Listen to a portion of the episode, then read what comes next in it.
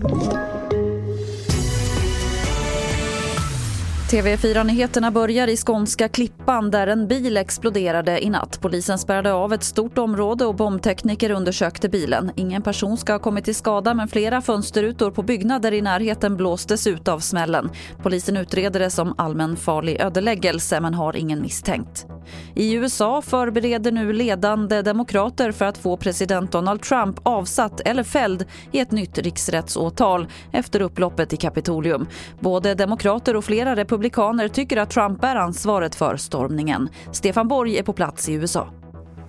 Ja, för att fälla honom, och det är ju då senaten som blir själva domstolen så att säga. Där krävs det då två tredjedels majoritet, det vill säga 67 röster. Och Demokraterna har ju då med den nya knappa majoriteten så har man 50 egna röster. Det behövs alltså 17 republikaner eh, om alla demokrater ställer upp som, som krävs för att man ska kunna fälla Trump. Och det är inte helt omöjligt, säger en del som har kommenterat. Till sist kan vi berätta att det ska snöa ordentligt på sina håll idag och SMHI har lagt ut flera varningar för snön.